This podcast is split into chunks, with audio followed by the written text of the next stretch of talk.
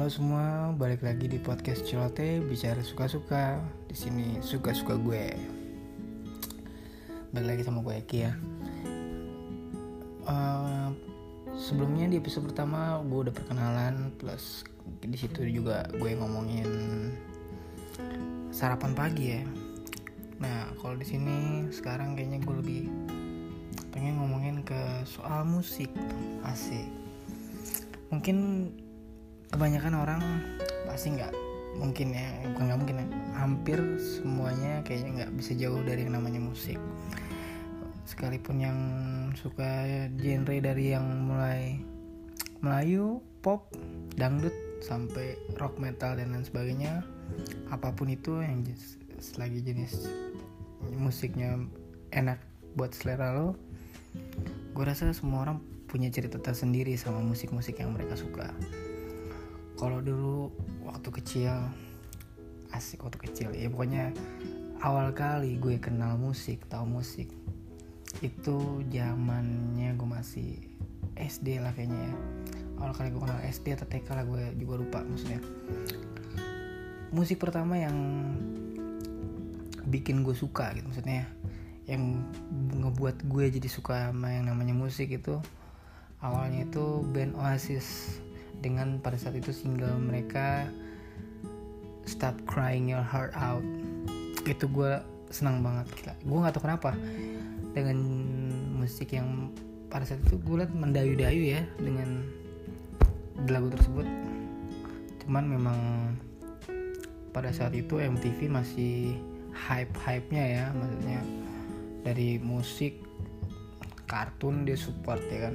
Di situ Nickelodeon kalau salah kemudian dari situ gue udah mulai suka yang namanya musik. Jujur gue bukannya sombong atau so ya maksudnya karena gue nggak terbiasa mendengarkan musik sebelumnya lagu-lagu itu dan tiba-tiba ada band luar ya kan band Inggris ini yang tiba-tiba singlenya nyantol di kepala gue di pikiran gue sampai akhirnya gue suka sama yang namanya musik jadi mayoritas kebanyakan sampai sekarang ini gue lebih condong banyak senang dengan musik-musik barat ya.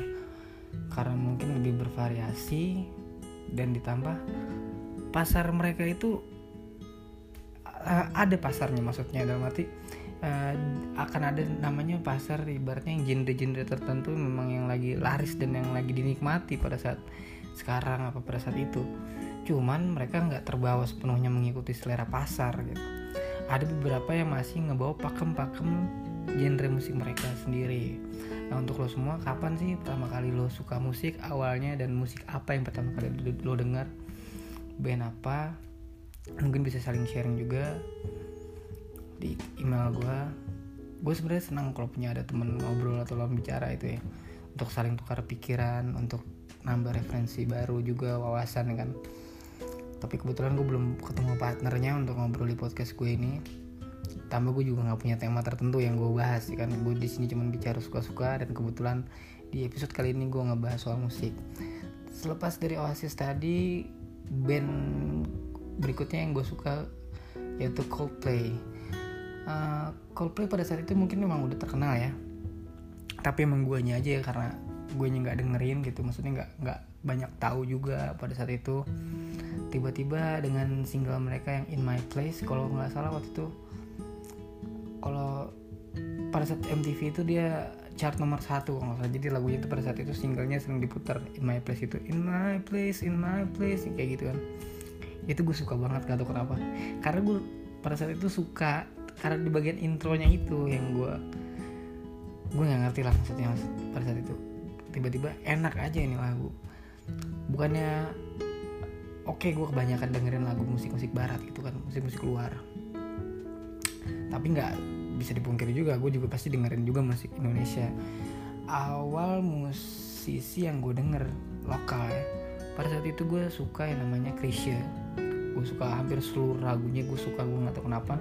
Kayaknya lagunya tuh melekat banget di dalam pikiran kita kehidupan sehari-hari kita. Suaranya juga nyantol banget kayak ibaratnya kalau dengerin tuh ya ini lagunya Christian nih eh suaranya Christian nih kayak gitu. Beda aja gitu pada saat lagu yang dibawain mereka. Kemudian kalau untuk dari bandnya kalau untuk band gue rada bingung pada saat itu ya. Jujur gue kalau sama slang yang waktu itu emang lagi naik-naiknya 90-an gue biasa aja gitu.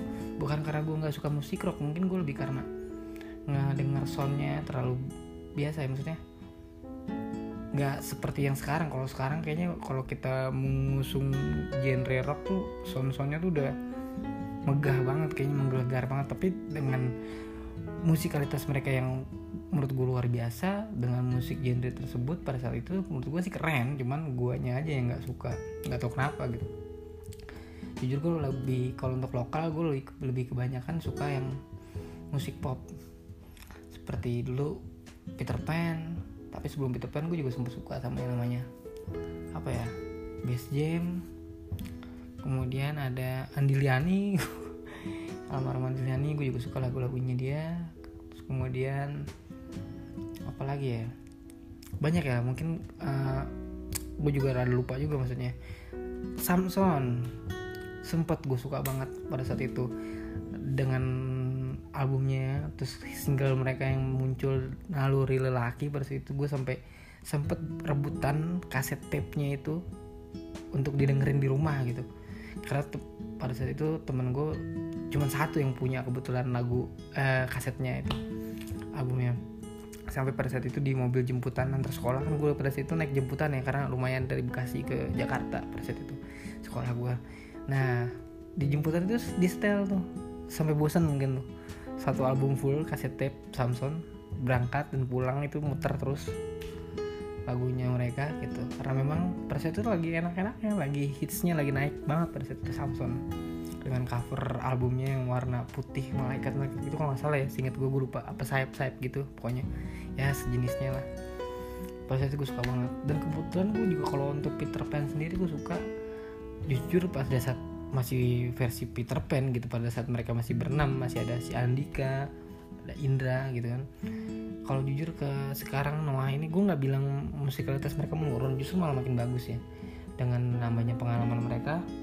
Tapi Oki sendiri kemarin kan udah keluar cabut mereka tinggal bertiga kan. David setelah dia nggak jadi personel tetap kemudian ada David Lukman dan Ariel. Musikalitas mereka gue akuin makin keren. Cuman gue nggak ngerti cara lagu yang mereka sajiin itu beda aja gitu. Dengan memang dengan musik Peter Pan pasti berbeda tapi jujur gue lebih ngena yang Peter Pan sih. Mungkin karena dari liriknya juga lebih relate ya untuk Peter Pan karena uh, sebenarnya kosa kata mereka Ariel yang nyiptain lagu itu nggak bisa dibilang sederhana juga. Cuman pada saat itu kita lebih gampang nyernanya aja karena kosa kata yang dia tuangin di lirik lagunya itu nggak terlalu berat sementara pada saat di Noah sekarang ini gue ngedengernya terasa lebih berat aja sih gitu.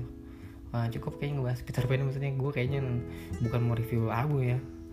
Gue lebih mau bercerita soal musik lagu-lagu awal perjalanan selama hidup gue musik apa aja sih yang pernah nyantol di dalam kehidupan gue gitu.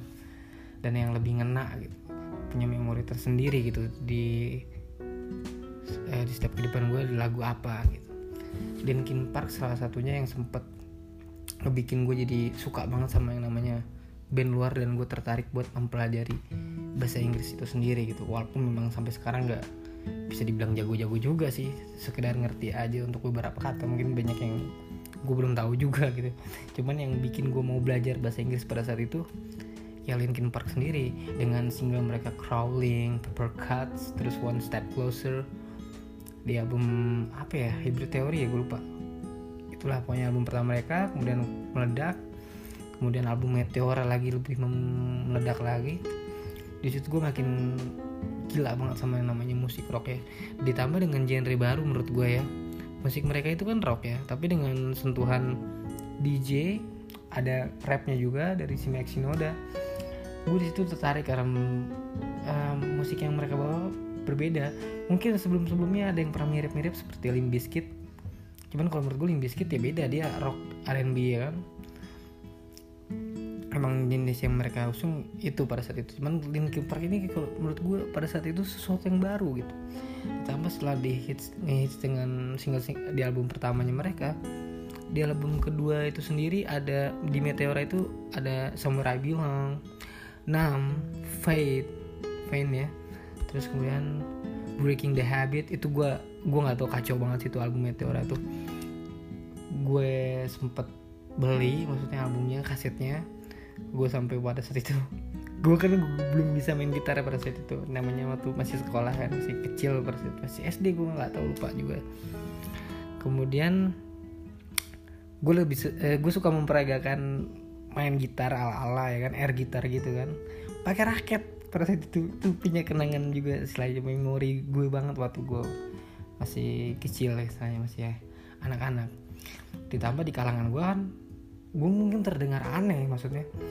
Di saat mereka mungkin lebih banyak dengerin lagu-lagu seperti gue gak ngerti pada saat itu lagi apa ya Indonesia tuh? Dewa, Peter Pan, kemudian apa ya? Banyak lah mungkin band-band yang gak bisa gue sebutin karena gue juga pada saat itu lagi nggak dengerin musik-musik lokal ya kan pada saat lagi ngehitsnya Linkin Park pada saat itu. Nah jadi punya memori tersendiri nih si album Meteora itu udah dalam kehidupan gue pada saat itu. Gue setiap dengerin album Meteora itu sendiri Atau album pertamanya mereka Gue jadi inget lagi masa-masa gue sekolah gitu. Ngenang kekonyol-kekonyolan gue waktu kecil mainin raket ala-ala kayak main gitar. Kemudian apalagi Setelah itu ada albumnya Simple Plan. Album pertama mereka yang berjudul No Pets No Helmet Just Ball. Itu album pertama mereka dengan single I Do Anything Addicted sama Perfect gitu gak mungkin kan lo semua nggak tahu lagu Perfect. Cuma mungkin yang diangkatan kayak gue nih 90-an ini pasti tahu kebanyakan. Kalau untuk yang sekarang gue nggak tahu deh mereka tahu lagu Simple Plan yang judulnya Perfect apa enggak cuman jujur itu lagu ngena banget sih maksudnya. Itu awal-awal pertama kali gue suka sama seorang cewek gitu di sekolah. Emang sih maksudnya ini masih kecil banget maksudnya. Cinta-cintaan monyet banget pada saat itu. Cuman seolah-olah tuh lagu itu tuh ngebawa memori tersendiri sama gue. Waktu gue sekolah ya kan gue suka sama kakak kelas pada saat itu. Surat-suratan. Ya kegiatan gue sebenarnya konyol pada saat itu. Dia namanya dulu kan belum ada handphone ya surat-suratan kemudian gue pulang sekolah uh, eh, gue dengerin lagu Simple Plan. Awal kali pertama kali gue dengerin Simple Plan itu karena abang gue sendiri maksudnya ada mati abang gue memang anak band pada saat itu suka dengerin musik-musik ya kayak MCR musik-musik punk lah pada saat itu yang lagi memang ngehit seperti Blink uh, Good Charlotte macem-macem sampai gue nyoba-nyoba sendiri kan dari beberapa kaset. Karena gak bisa dipungkiri gue tertarik awalnya dengerin lagu mereka karena cover depannya kan? Cover depannya mereka yang lagi ala ala pesta sambil makan megang pizza dengan dengan cewek eh, pengiringnya. Awal pertama kali gue tertarik karena gue pengen ah lihat covernya kan? Kemudian gue dengerin lagu ya kemudian nggak tahu gue malah suka gitu. Itu awal kali gue suka kayaknya sama musik punk gitu cinta sebelumnya gue lebih suka ke musik rock ya kan atau pop. Kemudian musik punk ngebawa suasana yang baru di kehidupan gue menurut gue karena menurut gue di sisi lain band bergenre punk ini menurut gue punya hal yang apa ya uh, puitis menurut gue di setiap album mereka pasti mereka akan nyelipin satu atau dua lagu ya paling sedikit satu lagu lah pasti. Satu lagu yang itu uh, liriknya tuh dalam banget gitu dengan dengan alir dengan musiknya yang lebih slow lebih uh, smooth ya kan di lagu yang entah liriknya tuh bicara soal cinta atau soal keluarga itu uh, band-band punk itu selalu menyelipkan itu ya di setiap album mereka ya untuk di track terakhir atau di pertengahan nah untuk di album Simple Plan pada saat itu yang gue suka itu Meet You There itu adalah salah satu track 6 kalau nggak salah. Gue lupa track 5 atau track 6 uh, eh, track 6 kayaknya ya. Track 6 di, uh, biasa track 6 itu di side A ya di slide kalau di kaset itu di bagian A sebelum dibalik ya. Di untuk ke side B. Itu lagunya cukup slow. Itu dalam banget liriknya ternyata setelah gue pelajarin pada saat itu ya kan? Nah jadi istilahnya pada saat ketika gue dengerin lagu mereka atau album tersebut Simple Plan album pertama itu memori gue kebawa ke masa lalu. Kalian pernah kayak gitu juga gak sih? Gue sih nggak tahu ya maksudnya kalau gue sih kayak gitu. Sampai akhirnya mulai banyak teman-teman gue juga akhirnya yang mulai coba dengerin musik barat karena MTV juga pada saat itu lagi supportnya musik ya gila-gilaan uh, Simple Plan ngeluarin album kedua judulnya Still Not Getting Any. Gue juga lupa ya intinya it's Still Not Getting Any kalau nggak salah. Dengan single mereka Welcome to My Life. Nah di situ makin gilanya maksudnya gue suka lagu-lagu mereka. Ditambah teman-teman gue yang lain juga ternyata akhirnya pada dengerin juga karena kebetulan di TV kan juga lagi sering nyarin video klip mereka gitu naikin video klip mereka dan kebetulan jadi pada suka. Cuman mungkin uh, ya gue seenggaknya pada saat itu untuk obrolan musik jadi ada teman ya kan maksudnya ada lah ya, untuk segelintiran untuk ngebahas soal musik. Karena sebelumnya gue ngerasa aneh sendiri. Gue dengerin musik-musik luar yang menurut gue kok teman-teman gue kayaknya nggak dengerin lagu itu bukannya gue sok nih tapi pada saat itu memang anak-anak sekolah aja dulu maksudnya sedikit yang untuk dengerin lagu ke arah sana ya. Mungkin dia lebih banyak dengerin musik-musik lokal yang pada saat itu memang juga lagi hits juga awalnya. Ada Dewa 19 terus kemudian ada Peter Pan ada Ungu muncul-muncul ya kan dengan uh, brand ambassador yang mereka bawa tuh pada saat Black ID, Pro Shop dan lain sebagainya. Gue juga lupa ya kan. Cuma pada saat itu brand-brand tersebut juga membuat clothing-clothing Black ID dan Pro Shop pada situ jadi gila-gilaan boomingnya sampai akhirnya pembajakan juga marak di mana-mana ya udah nggak keren lagi kasarnya walaupun dulu pak lu pakai Black ID dan Pro Shop pada saat itu kan karena setelan kita juga jadi berubah ikut-ikutan gaya mereka kan gaya-gaya musisi yang kita suka dengan gesper kepala yang gede menurut gue dulu tuh pakai itu kayaknya udah berasa keren banget. Cuman kayaknya kalau sekarang lebih aneh ya. Udah jarang lihat kayak gitu. Cuman gue nggak tahu juga apa musisi zaman sekarang masih ada yang pakai seperti itu gue nggak tahu gitu. Setelah simple plan masanya gitu. Kemudian gue gue jujur mungkin orang beberapa banyak yang suka Blink 182 itu 182 yang Blink Blink 182 itu ketika sebelum Simple Plan pastinya karena mereka lahir lebih dulu maksudnya album album mereka boomingnya itu. Jujur gue lebih telat dengerin Blink 182 itu. Gue dengerin Blink 182 itu sekitar pada saat mereka bubar 2004 2005 ya mereka udah bubar lah. Gue awal dengerin itu pada saat itu gitu. Gue dengerin album apa ya? Gue dengerin hmm, Take Off Your Pants oh enggak gue dengerin album yang Untitled kalau nggak salah. Untitled sama Dude Ranch. Kebetulan abang gue punya album yang Dude Ranch pada saat itu. Nah setelah gue dengerin kok ini enak gitu band punk ini. Walaupun memang kasarnya lebih liar permainan mereka lebih punk rock pada saat dulu ya. Kemudian lebih ke punk pop atau rock.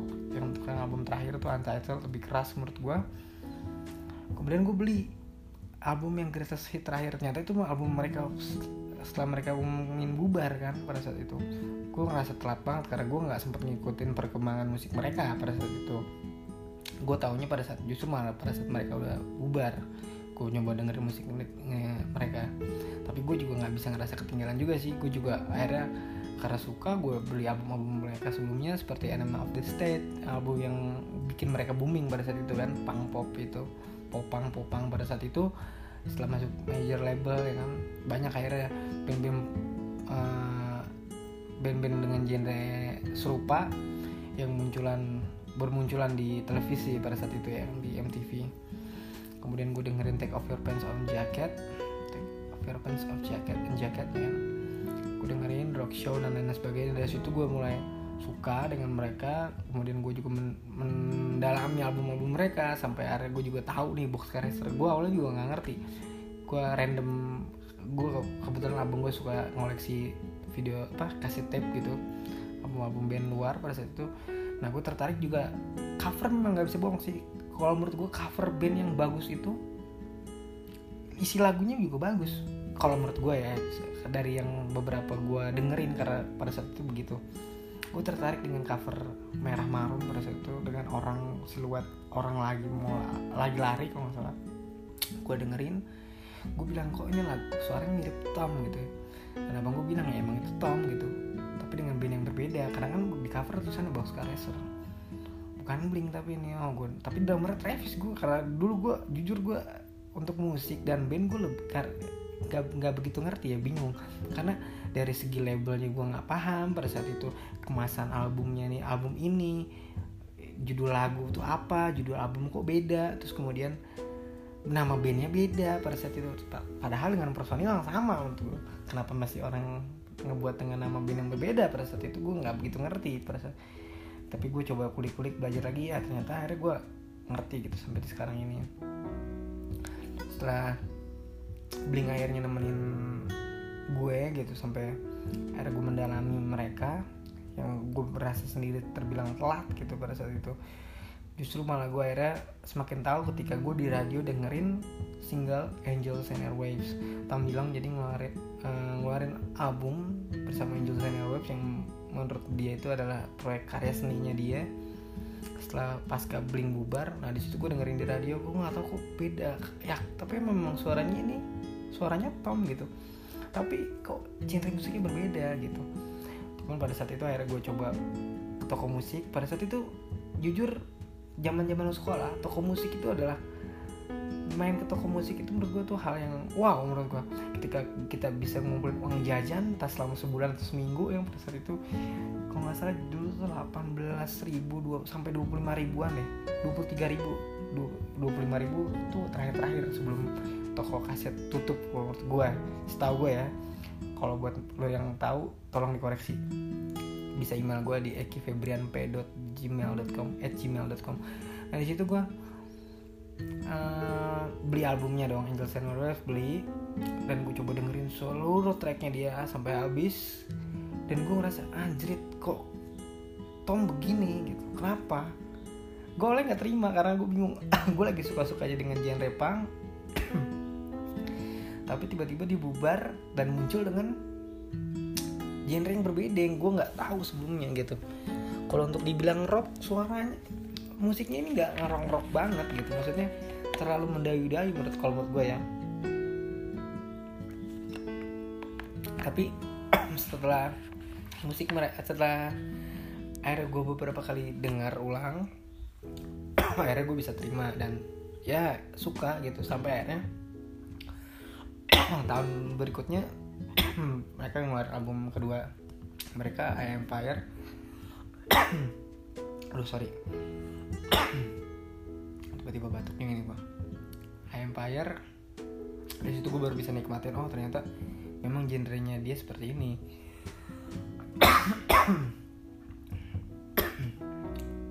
Nah dari situ gue ada mulai juga be mendengarkan beberapa jenis musik dengan genre yang berbeda-beda.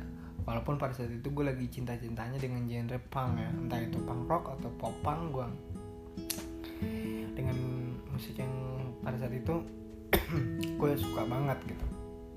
New Found Glory, Simple Plan dan lain sebagainya. Di Ataris dan menurut gue itu di Ataris itu punya pesan tersendiri lah kisah tersendiri kalau buat kehidupan gue untuk di albumnya The So Long Astoria itu menurut gue itu album yang paling the best menurut gue terbaiknya dia dan mereka nggak bisa ngulangin kesuksesan album tersebut. Karena dari track 1 sampai terakhir menurut gue itu lagu albumnya enak banget keren banget lagu-lagunya. Dan itu ngebawa memori gue juga pada saat pada saat gue zaman zaman SMP kalau nggak salah ya. SMP SMP kalau iya kalau nggak salah SMP ngebawa gue memori ke zaman zaman itu zaman zamannya gue masih gila-gilaan yang namanya cabut sekolah ya kan bolos bareng pada saat itu ngelawan guru. Gila dulu parah banget sih pergaulan gue jujur gitu.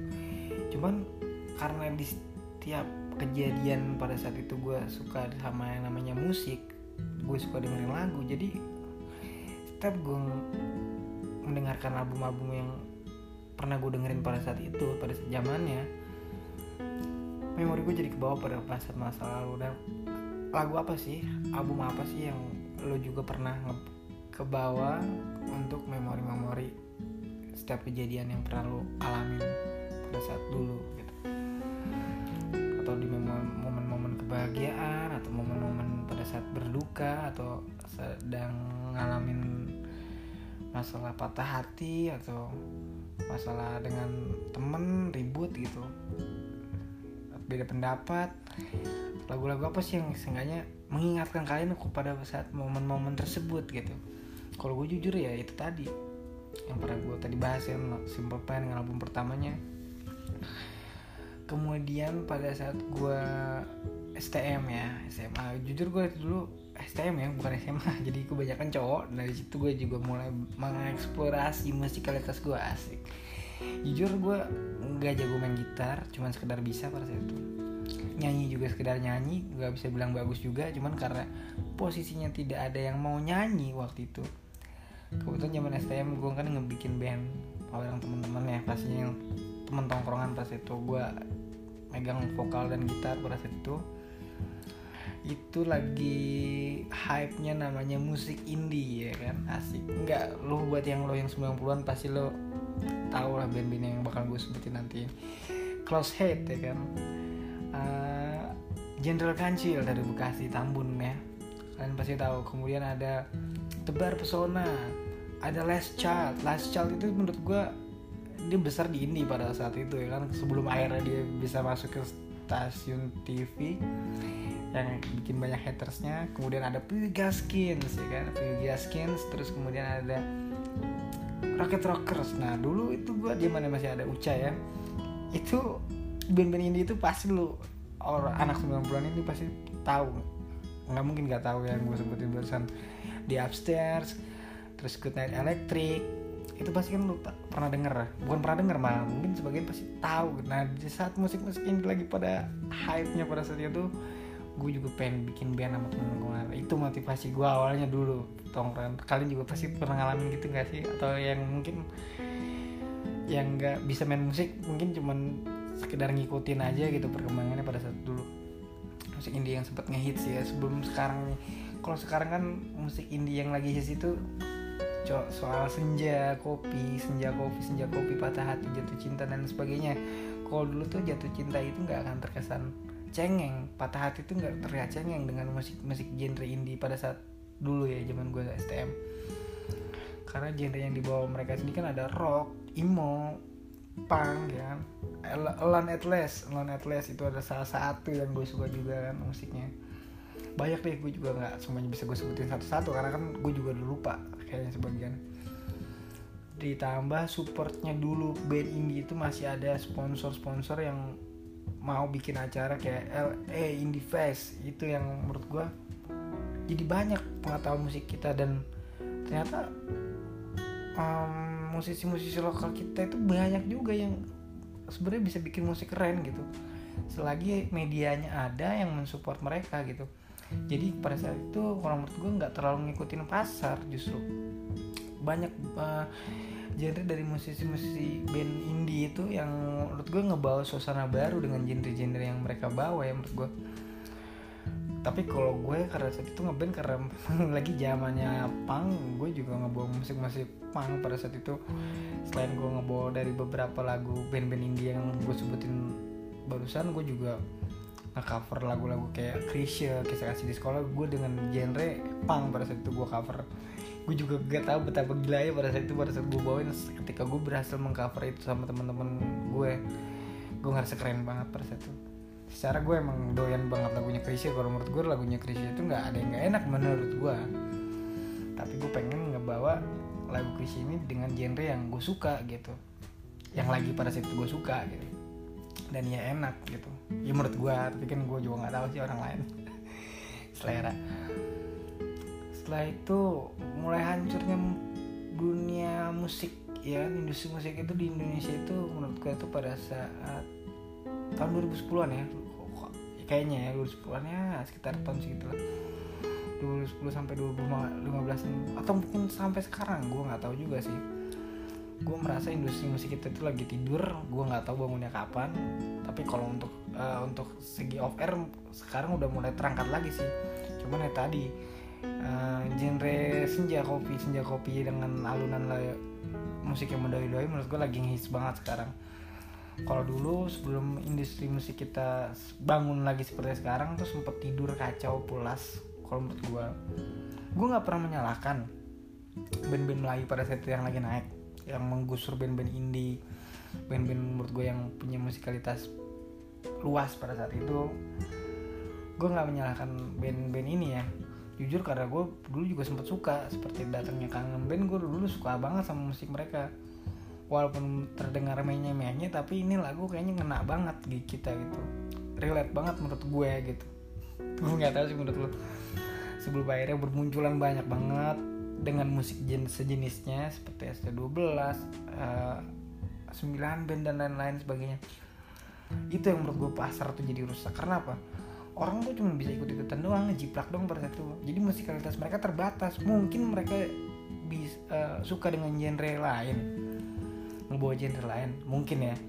Cuman karena memang pasar sedang laku dengan genre itu dengan genre Melayu tersebut yang bikin musikalitas mereka jadi terbatas jadi nggak berkembang. Pasarnya jadi itu itu aja musik pada saat itu. Dan itu yang bikin musik uh, musik di Indonesia itu turun. 2019 pun yang pada saat itu menurut gue lagi uh, nendang-nendangnya banget ya dengan gue terakhir sih suka jujur album Cintailah Cinta. Walaupun terakhir gue beli album yang Laskar Cinta cuman ke sini gue udah nggak beli lagi karena menurut gue ya udah seleranya udah pada saat itu udah hancur banget musik Indonesia tuh walaupun mereka ngebawain tetap dengan musikalitas serta genre yang mereka bawa sebelumnya. Cuman mereka juga jadi malas mungkin bikin lagu karena yang didengar tuh lagunya itu itu doang itu itu doang yang lagi hits itu pada saat itu dengan dengan genre Melayu ya menurut gue di situ industri musik di Indonesia tidur pulas karena musisi kalau menurut gue jadi terbatas kemampuannya nggak mengeluarkan apa yang jadi jati diri mereka. Pas itu Melayu lagi marak serentak dan itu meruntuhkan musikalitas musisi-musisi sebelumnya yang sempat naik dengan genre-genre beragam menurut gue sampai hari mulai sekarang mulai naik lagi. Di dari segi offer dari acara penyelenggara sponsor dan sebagainya juga banyak yang mensupport.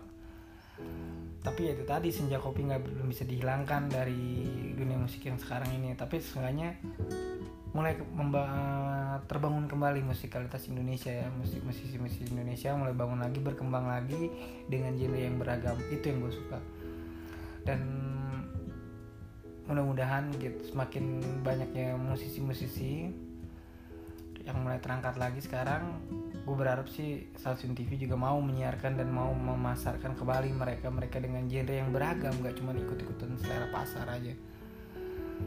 Sekian aja sih kayaknya yang gue bahas. Dan gue berterima kasih dengan uh, industri musik Indonesia yang udah mulai bangun lagi. Dan gue juga makasih buat yang mau dengerin cerita gue sekarang uh, di episode kali ini. Kalian bisa sharing di email di ekifebranp@gmail.com kalau untuk bahas apalagi tema episode berikutnya di podcast Culate ini. Sampai jumpa lagi. Kalian juga bisa saling sharing musik kalian pertama kali apa yang kalian dengar dan musik apa aja yang band apa aja yang pernah ngebawa memori tersendiri dalam kehidupan kalian. Oke makasih semuanya. Bye bye sampai jumpa lagi.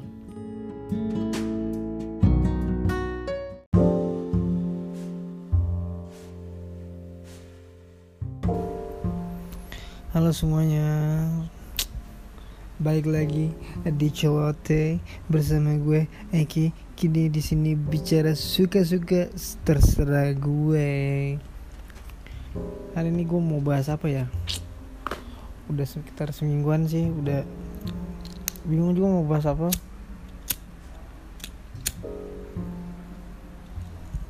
Tapi yang lagi hits banget kayaknya beberapa akhir-akhir ini gue lagi ngikutin banget nih merhatiin banget sama acara yang ada di salah satu stasiun televisi. Namanya Inasiar iya ilah Inasiar iya lu pasti tahu lah maksud gue yang mana. Kenapa gue mau bahas acara yang ada di salah satu stasiun TV ini? Soalnya acaranya tuh gimana ya? Bikin gergetan kesel sendiri men. Soal soal gini. Gue gue nggak ngerti nih. Dulu waktu gue kecil kan misalnya banyak banyak sinetron tuh acara-acara TV itu mau sinetron lah acara raga apa segala macem itu gue ngeliatnya biasa aja. Walaupun editingnya pun menurut gue kalau dilihat dari zaman sekarang tuh kasarannya kok dulu gitu banget gitu. Tapi menurut gue ketika posisinya gue waktu zaman dulu tuh gue ngerasa dapet aja gitu. Dengan editing seperti itu dengan acting karakter yang seperti itu gue suka-suka aja gitu. Tapi kalau gue ngeliat sekarang perfilman bukan perfilman ya. Ya acara-acara TV zaman sekarang tuh menurut gue tuh sinetron sinetron yang ada tuh ngaco banget.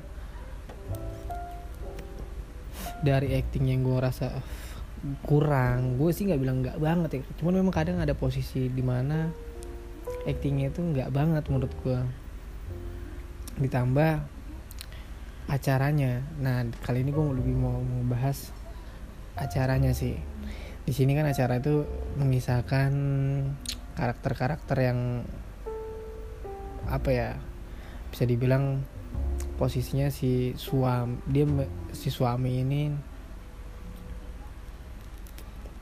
bermasalah dalam rumah tangganya. Entah dalam karakternya atau apa pun sifat-sifatnya. Di sini lebih membahas si suara hati dari seorang istri emang sih maksudnya acaranya eh, temanya bener ya suara dari suara hati dari seorang istri. Cuman yang gua gak habis pikir tuh kenapa maksudnya? Kok ceritanya ya semuanya hampir rata-rata begini gitu. Apa suara hati seorang istri itu selalu mempermasalahkan soal masalah suaminya gitu. Mungkin ada beberapa sebagian yang masalahnya karena mertuanya ya mertuanya atau ya apa pun lah itu orang tua atau saudara. Ada beberapa yang masalah seperti itu. Cuman baik lagi kembali ke si suaminya. Kenapa sih suaminya ini dibuat itu karakternya itu menjadi menurut gue tuh goblok banget?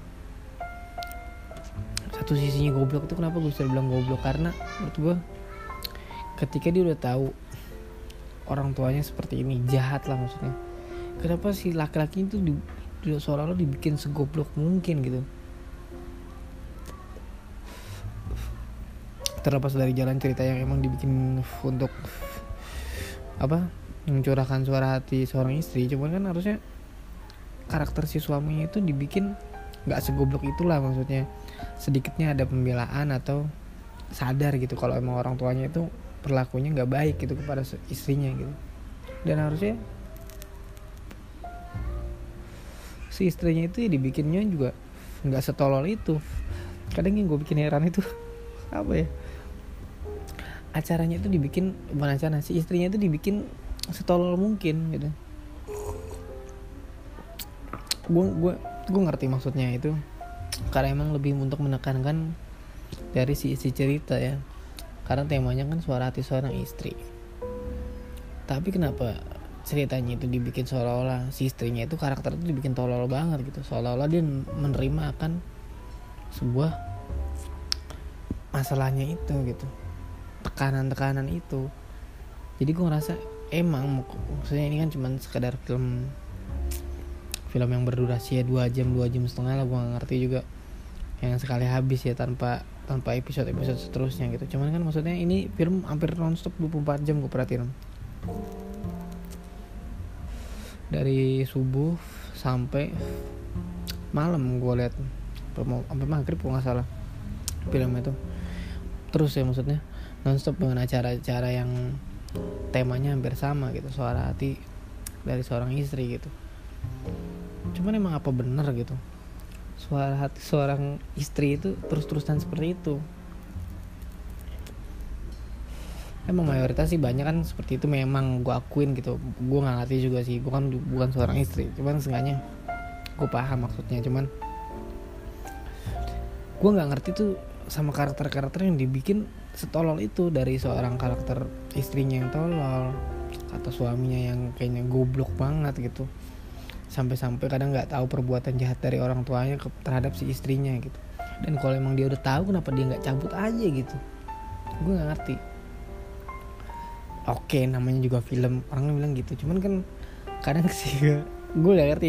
Kalau dulu itu dibikin karakter segreget greget mungkin acara film itu itu dibikinnya tuh enak banget porsinya pas gitu. Terakhir gue ngikutin sinetron yang menurut gue deg-degannya enak tuh kalau nggak salah Cinta Fitri. Kalau nggak salah dulu gue Cinta Fitri tuh masih ngingut ngikutin ya.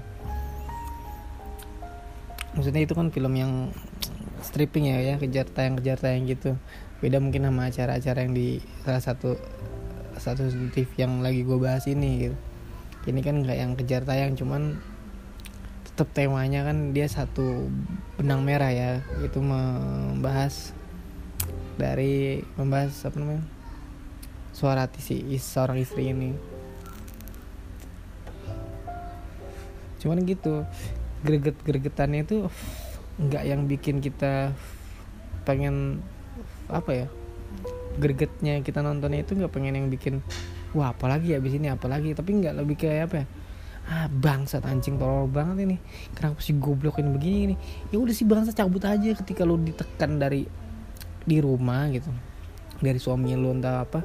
Kenapa lu nggak yang cabut aja? Dan gue pernah oke kita bahas kita bahas uh, eh, gue bahas yang apa ya? Gue bahas uh, salah satu cerita yang pernah gue tonton gue yang gue inget nih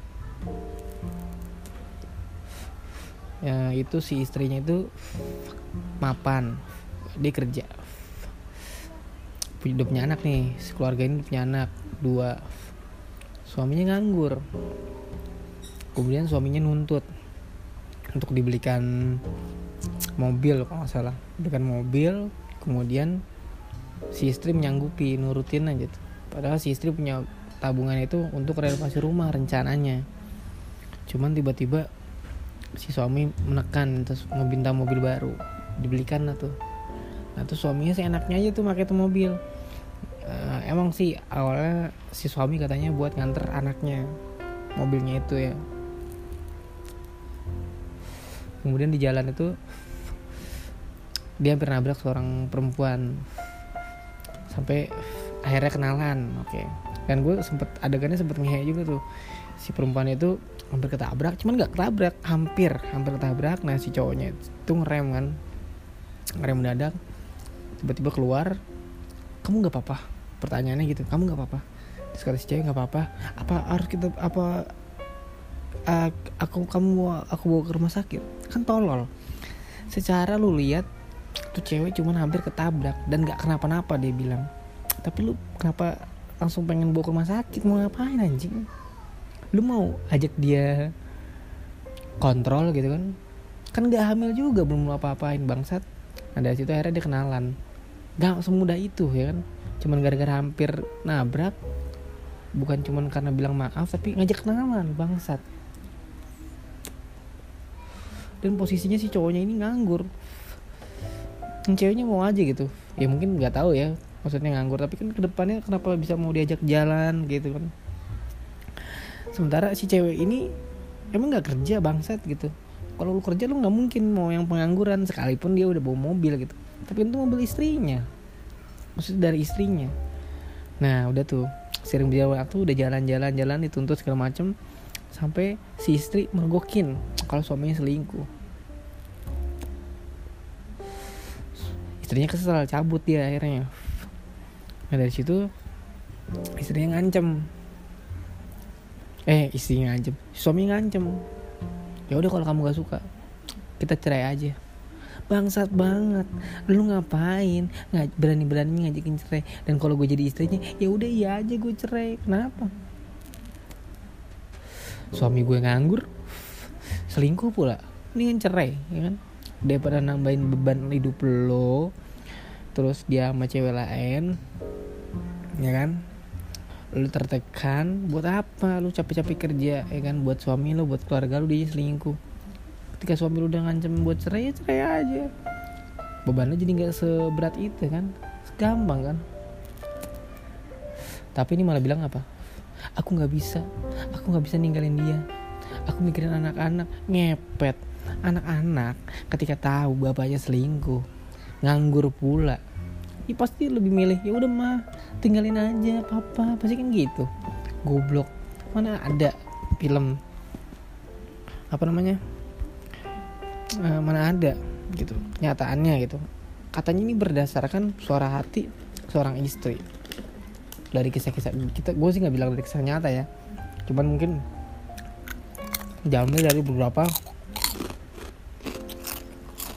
cerita kisah nyata gitu.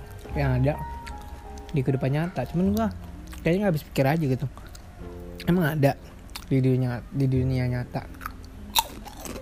Hmm. yang apa nih segoblok gitu itu istrinya kayaknya nggak ada gitu. Apa emang? Tapi untuk untuk tontonan untuk apa ya gue ngerasa tontonan-tontonan kayak gini tuh nggak pantas ditonton sama orang-orang tua gitu. Cocoknya untuk orang-orang muda atau yang umurnya masih 20-an lah.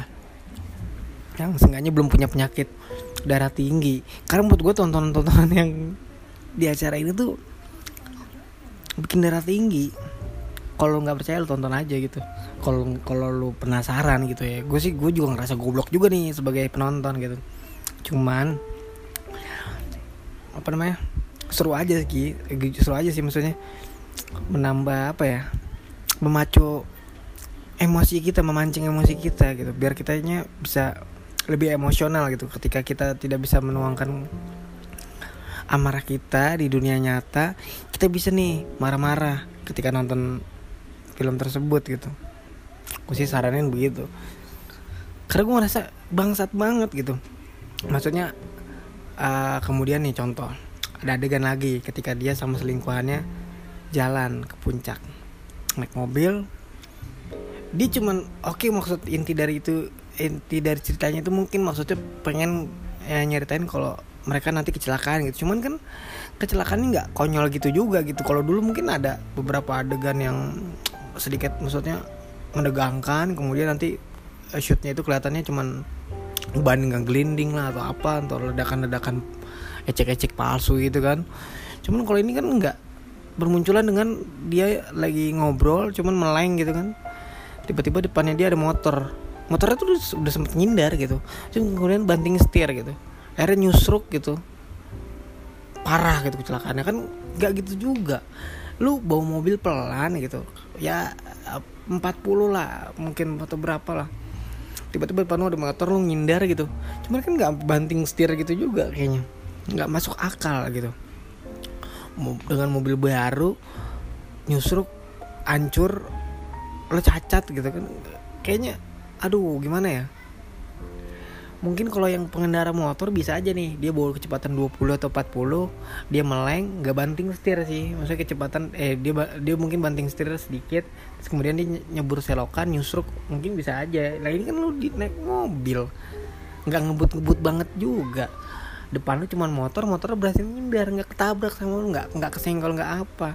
Tiba-tiba lu langsung tabrakan parah sampai si selingkuhan lu meninggal. Kan otaknya di mana gitu gue ya gue mungkin sebagai yang penonton juga gue ngerasa otak gue juga keganggu juga ketika nonton film kayak gini. Kenapa gue bisa nonton juga? Cuman ya itu dia. Kadang tuh gimana ya ketika apa ya sesuatu hal yang menjijikan dalam hidup lu bukan menjijikan sih gue nggak bilang apa ya bilangnya ilfil lah gedek gitu. Lu punya satu hal yang gedek terhadap eh lu punya uh, perasaan yang gedek terhadap satu hal tapi lama kelamaan ketika lu konsumsi lu jadi ngerasa oh seru juga nih gitu. Pasti lu kan pernah gitu. Contoh kayak lu nggak suka lagu apa gitu dangdut atau apa ketika lagu itu sering diputar gitu entah di radio atau di mana lu ngedenger itu pasti kan lama-lama lu apal ya kan? Tanpa mengurangi rasa ketidaksukaan lu terhadap lagu tersebut. Tapi lama-lama lu akan ikut enjoy dan bahkan lu apal gitu sampai lirik lagunya. Nah film-film yang ada di stasiun TV tersebut sih bikin kayak gitu. Lu hampir apal apa bukan hampir apal. Lu hampir bisa menebak jalan ceritanya.